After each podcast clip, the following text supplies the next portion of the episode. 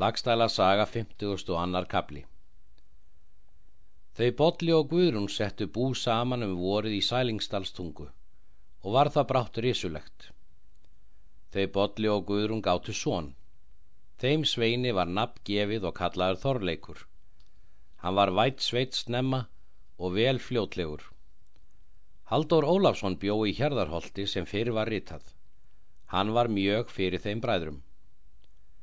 Það vor að kjartan var veginn tók Þorgerður Egilstóttir vist frændsveini sínum með Þorkalli að havratindum. Sveitnin gætti þar fjárum sumarið. Honum var kjartan mjög harmdauði sem öðrum.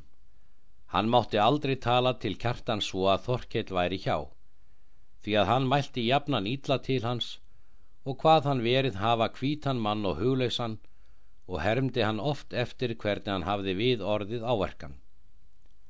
Sveininum varða þessu ítla getið og fer í hjarðarholt og segir til Haldóri og Þorgerði og bað þau viðtöku. Þorgerður bað hann veri vissinni til vetrar. Sveitnin hvaðst eigi hafa þrótt til að vera þar lengur og mundir þú mig eigi byggja þessa ef þú vissir hversu mikla raun ég hefi af þessu.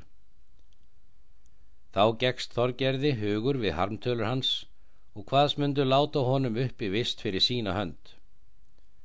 Halldór segir Gef ekki gaum sveini þessum því að hann er ómerkur Þá svarar Þorgerður Lítils er sveitn verður, segir hún En Þorkalli hefur alls kostar ítla farið þetta mál því að hann vissi fyrir sátt laugamanna fyrir kjartani og vildi eigi segja honum en gerði sér af gaman og skemmtana viðskiptum þeirra en hefur síðan lagt til mörg óvingjarleg orð.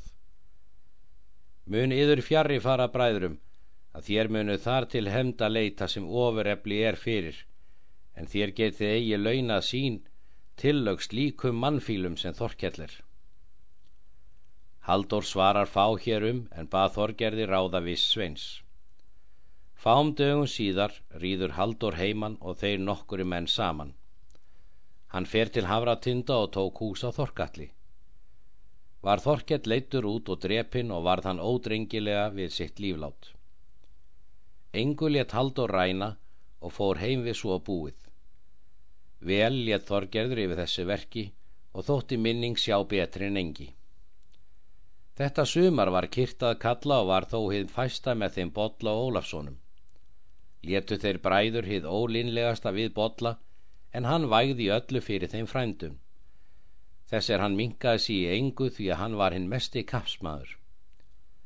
Bolli hafði fjölment og hjælt sér ríkmanlega því að eigi skorti fjö. Steinþór Ólafsson bjóða dönustöðum í Laxárdal.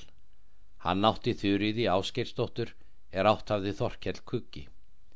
Þeirra són hétt Steinþór er kallaður var Gróslappi.